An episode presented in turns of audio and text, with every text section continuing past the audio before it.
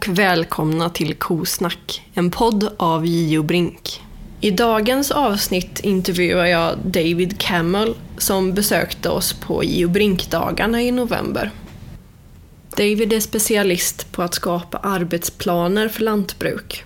Något som vi kommer prata mycket om i såväl byggnader som i kokomfort och värmestress och så vidare. Vi sätter igång intervjun. Could you tell me and the listeners a bit about yourself?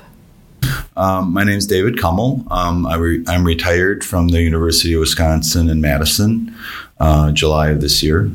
Um, I'm an agricultural engineer and I worked in extension, which was working with farmers in Wisconsin and other parts of the country and sometimes the world, uh, other countries, on farmstead design, cow barn design, calf barn design, anything kind of related to livestock housing. You started this week by visiting some Swedish farms. And what's your impression of those? Uh, I saw some really nice farms. Um, similar to what we would build in Wisconsin or the U.S. Uh, uh, up to date technology, mm-hmm. uh, current uh, standards of cow comfort and ventilation, and good de- good design. Describe the farmstead master plan. Yeah. Um, I, for many years, I've worked with farms individually to help them figure out how they want to move forward, how do they want to grow. Um, sometimes that's the first step is maybe a cow barn and they think only of that first step of building that first cow barn and it works really well. So um, they're very happy with it and then four or five years later they're thinking well maybe we should add another cow barn or maybe we should add a parlor or maybe we should add a half barn or maybe we need manure storage. And my experience was they thought about that first step and they made it very convenient, maybe really too tight to the existing buildings for that first cow barn. But they, so, and they didn't let themselves allow themselves to grow because they put things in the wrong place, maybe in the wrong orientation. Uh, where the cow barn is should have been where a manure storage should have gone. Uh, where the calf barn is is where the cow barn should go. Um, so I try to get people to think about and farms to think about not this first step that they're making because uh, every farm's in a little bit different situation and they're only thinking about the first step. Mm-hmm. They haven't thought about well, what happens if that's successful, and what's about step two and three and four and five as they grow. Um, so I will suggest we we could we can make a plan. We could decide how this farm might look like in 20 years. It looks like this now, but in 20 years it might look different. No different than what it looks like now doesn't look like what it looked like in uh, 1960 or 70. Um, so we can put that on paper. It's so a master plan is really just a, a document that we would start drawing locations of buildings. Uh, think about the management plan that's behind all these facilities and how you want to manage cows and how you want to work with people or you want to go to robots or whatever your milking system is. Um, and that that's kind of your master plan to think think of okay now which step do i do now maybe this first cow barn is the first step but all the other steps are outlined and available and you can see the possibilities then in the future so when we come back and take the second step it's permanent. Pretty much, we already decided that's the second step. We just have to fill in the blank. It's not there yet, so we build it, and it's not in the wrong place. We've thought it through. Maybe the plan changes a little bit as they grow and things, or they decide different things. But at least we have a direction, and um, we can kind of know what what it will look like in the future without having to build it. Why is it so important to have a proper plan? Um, mainly to make. Uh, um, mainly to not make mistakes on these initial steps. That is, again, we could end up putting a cow barn in the wrong location for future for uh, to allow future growth. We or we can decide it will go here and that will allow growth. And more often than not, I came. I was always kind of in after the fact, after the first barn was up. and now they wanted to continue to grow and they realized the barn could could have been better if it was here but it's it's here now, so we have to deal with it. So how do we move forward? So instead of making the same mistake over again of doing the next step only, um, and then not having a plan, I suggest, well, now is when we have to really decide this is what we need to do, and here's how it will look in the future. Otherwise, um, we get to a situation where maybe they've grown to the point where they the next step is going to be very expensive or doesn't make any sense or can't be done because of some of the previous decisions and locations of buildings that were made uh, the feed storage is in the wrong place and they don't want to destroy the whole feed center just to put a new cow barn up maybe that's what we need to do but we could have planned in the uh, last time or earlier that the feed storage shouldn't have been there. It should have been somewhere else and not in the way of the next barn or next or, or the parlor or whatever facility was a higher priority. So mainly just try and maybe minimize the mistakes. We can never have a perfect plan. I don't I don't know if there's a perfect plan, but we can certainly make it uh, more functional and uh, easier to move forward than to have roadblocks every time we want to do the next step because we didn't think about those steps before. Why is it so important to know your boundaries? Uh, well, boundaries on us. When we look at a specific site plan, the boundaries might be roads, uh, might be a creek or a stream or a river. It might be property lines, um, sometimes electric lines or power utilities or gas lines or infrastructure that's on the site that we can't move. Uh, could be could be um, limit where we can place buildings. Um, so those are kind of physical boundaries. Um, there's other boundaries I think of like limitations of um, economic limitations, uh, labor availability. There are other boundaries that might limit the size of the farm, but in general, most farms have a. We can look at the site and we can say, okay, this site could build for a thousand cows. Is that your goal or not? If your goal is two thousand cows someday, way in the future, maybe know that this site won't be that two thousand cow dairy. It just doesn't have the space. It doesn't. The boundaries are going to limit the ability to do that. So we have, you have to make a hard decision now. Do you build up to a thousand and walk away, or build another site and leave this farm alone? And that's a module, and that it's efficient at that size, and you continue to farm that farm. And then, if you want two thousand cows, maybe it's a two thousand cow dairy at another site. But we know this site can't do it for you, so we should know that now before we start growing and find out we build a really big parlor that was ready to milk 2,000 cows, but we can't fit 2,000 cows on the site because the boundaries are not going to allow it. So, what is cow comfort for you? Um, well, my definition of cow comfort is a housing system that allows the cow to express its genetic potential. Um, farms spend a lot of money on reproduction to get good, better genetics all the time. So they're always trying to improve their cows. And the limit on that genetic potential is some, sometimes feed, feed quality or amount of feed or types of feed that you have. But another major one is just the comfort of the cow. We, if the cow can um, be comfortable, stressless, low stress, easy to get to a feed, has a nice place to rest, can walk around without getting lame, can get to water efficiently, uh, easily. Um, those are the definitions of cow comfort you know, trying to keep the stress off the cow. Mm-hmm. And if you reduce the stress on the cow, she can express herself genetically, production wise, whatever that uh, measure is um, for you. Um, we know the limitations of not having cow comfort because we usually are living it. Sometimes farms are living it already. They don't have adequate size stalls or the, the barn is built too long ago and doesn't provide comfort or it has the wrong kind of surface or a bad surface to rest on. And when you move them into a barn that does have those features, the cows get permanent, more productive. They're happier. Usually you get more milk. Um, and uh, it, it's uh, and it doesn't take that much to just plan for that comfort in the stall in the new design. Describe why cow housing is a system.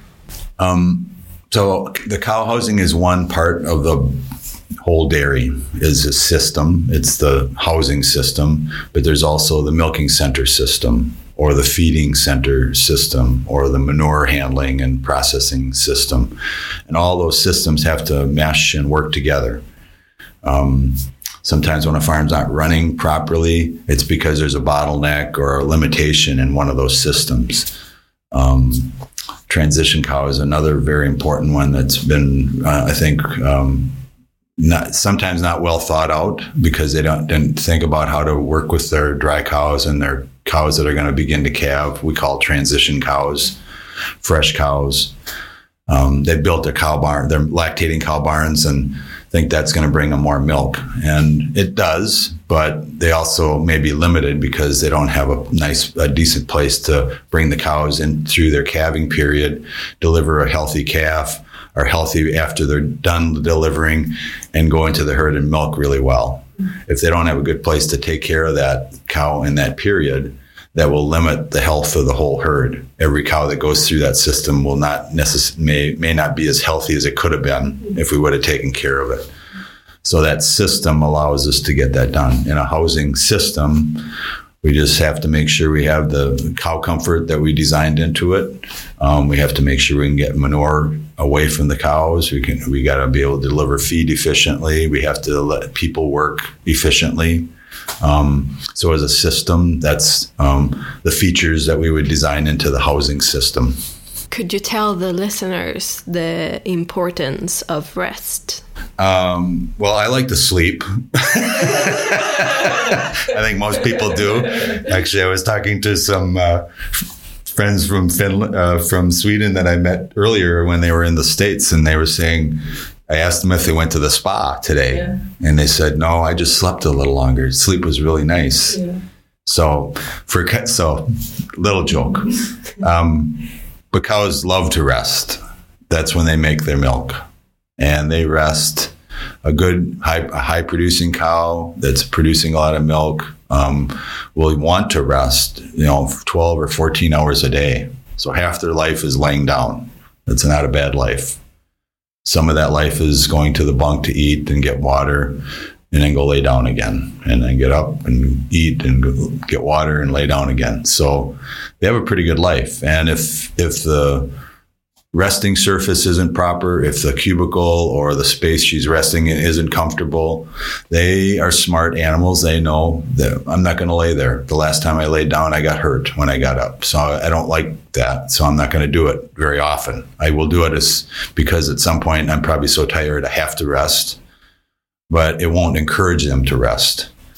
So we want to build a barn that um, encourages them to lay down and rest. And if that's if we look at the herd and we look at time budgets for the cows, and this is easily done with some of the technology we have nowadays rumination monitors, activity monitors, uh, location monitors. We can we can determine our own herd's time budget. And if there are cows that are only resting six or eight hours a day, we should be looking at those cows. Why why aren't they resting? Because eh, or why are the you know maybe some are resting much longer. Sometimes cows rest longer than they should. Maybe they're lame and they don't want to get up and down. Um, maybe they're not feeling well. Um, but in the end um, you know rest is uh, eh, the more time they rest the more milk they produce. That's when they're uh, ruminating more most most of the time they're ruminating when they're resting. Cows don't really sleep very much that real sleep, like deep sleep. There's that's very only a very short time that they will actually rest and wake up. Most of the time, they're just dozing. we call it dozing. You know, they're just aware. You know, they're resting and they're aware, slightly aware of their surroundings, but they're comfortable and happy. You don't like rubber mats, don't you? And uh, why is that? Um, uh, rubber mats, um, I know, are used in lots of the world. We just don't have good experience in the states, and this is just my own experience. Um, the the systems that are out there were trying to um, fix a problem. Maybe this floor was slippery because it wasn't grooved properly, and a rubber mat was maybe the solution, and, and probably would be my solution if I couldn't do something about the slippery concrete because the cows are falling down and, and hurting themselves. But they're not really necessary if the concrete floor is done properly, if it's grooved properly, um, if it's man if if the manure is removed often enough to keep the floor as dry as possible. Um, it's it's not a perfect system, but it works well if it's taken care of. It's if it's built well and managed properly. I don't see the need for rubber mats. Um, we will look in, in, the cow barn alleys, for example, where the cows live.